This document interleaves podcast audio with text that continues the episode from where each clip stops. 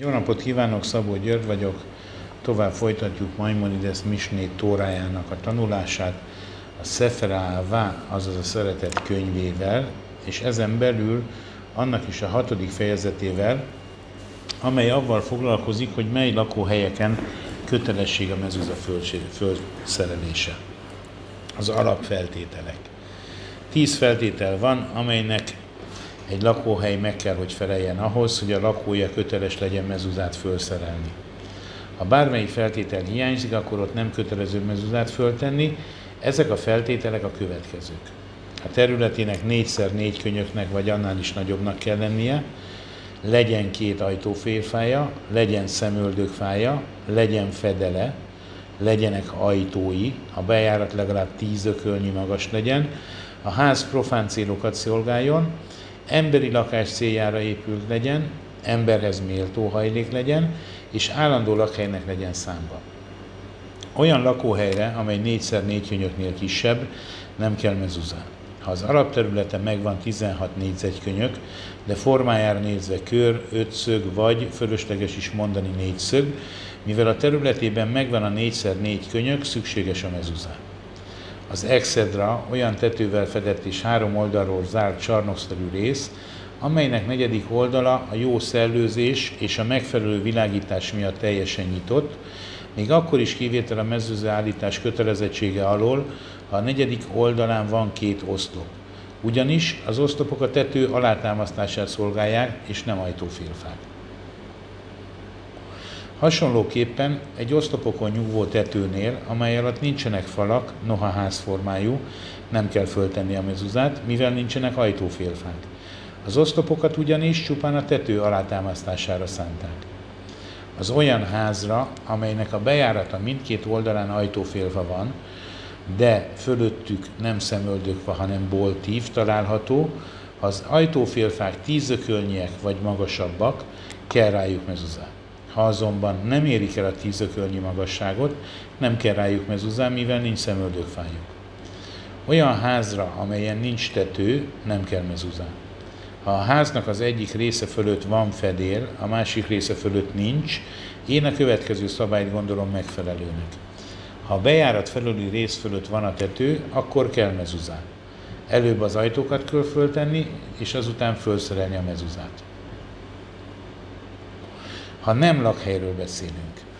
A Jeruzsálemi templom hegy, hegy szentélyének kapui, szobái, udvarai és hasonlóképpen a zsinagógák és tanházak bejáratai, amelyekben nincsenek lakások, de ahol emberek élnek, nem igényelnek mezuzát, ugyanis szent helyek ezek. Az a falusi zsinagógára, amelyben vendégek laknak, kell mezuzát. A Jeruzsálemi Szentély komplexumának egyetlen kapujára sem kell mezuzá, kivéve a Niknor kaput és a közelében lévőket, valamint a Párhedrin szobájának bejáratát, mert ez a szoba szolgált a főpap lakhelyéül, amikor a Jomkipuri szolgálat miatt hét napra el volt vágva az otthonától. Szalmatárolásáról szolgáló, szolgáló csűrre, tehénistálóra, fáskamrára és más raktárhelyiségekre nem kell mezuzá. Ugyanis írva van, a házad ajtófélfáira, azaz olyan házra, amelyik a ti használatotokra szolgál, és nem a fentiekre és hasonlókra.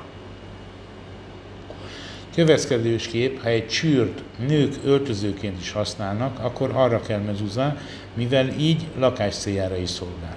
Őrházra, exedrára, tornácra, kertre, karámra nem kell mezuzá, mivel ezek nem lakások. Ha azonban a mezuzát igénylő lakhelyek nyílnak ezekre a létesítményekre, akkor ezekre is kell mezuzá.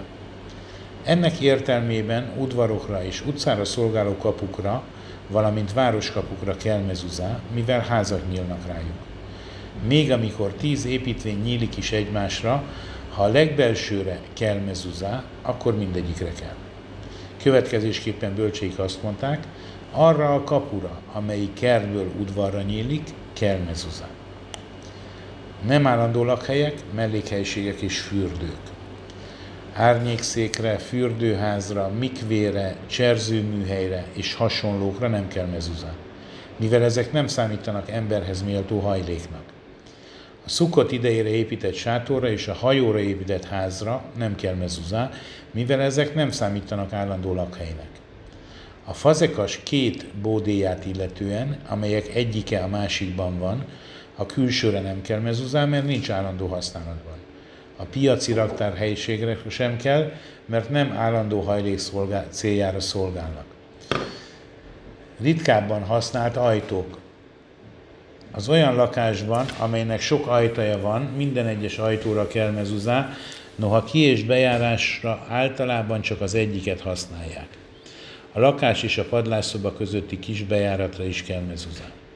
Ha van egy különálló szoba a házban, vagy akár csak egy olyan, amelyik egy másik szobába vezet, akkor mezuzát kell szerelni, és a legbelső szoba ajtófélfájára, a külső szoba ajtófélfájára és a ház ajtófélfájára is, mivel ezek a helységek mind lakás céljára szolgálnak és állandó építmények. Ha valaki gyakran használ egy olyan ajtót, amely a zsinagóga és a tanház, illetve a saját háza között van, akkor arra is kell mezuzá. Ha két ház között van az ajtó, akkor a mezuzá helyét az ajtó forgópántjainak helyére határozza meg, helye határozza meg. A mezuzát arra az oldalra kell helyezni, amelyiken a forgópántok látszanak. A mezuzá pontos helye. Hová is kell felszerelni a mezuzát? A bejárat belső oldalára, legfeljebb egy ökölnyire az ajtófélfa külső élétől, és a bejárat felső harmada kezdeténél. Ha magasabbra szerelik, az még érvényes. Egészen, míg nincs közelebb egy ökölnyinél a szemöldökfához. A házba lépő felől nézve jobb kéz felől kell, hogy legyen. Ha bal oldalra helyezik, nem érvényes. A közös tulajdonban lévő házra is kell mezuzá. A micva ereje. A mezuza micvájának betartására nagy figyelmet kell fordítani, mert ez mindenkor és mindenkire nézve kötelező. Ennek a micvának a betartása révén valahányszor az ember hazaérkezik vagy távozik, találkozik az örökkévaló nevének egyetlenségével, és eszébe jut az iránta érzett szeretet. Így fölébred álmából, nem időtálló hívságainak hajszolásából, és felismeri, hogy semmi sem tart örökké, csak a világ teremtőjének felismerése. És arra serkenti az embert, hogy nyerje vissza teljes tudatosságát, és kövesse az egyenesség útját. Bölcseink azt tanították, akinek van filin a fején és a karján, cicicet visel az öltözékén, és van mezuzáz ajtaján, az biztos lehet benne, hogy nem fog védkezni, mert annyi dolog figyelmezteti a jóra.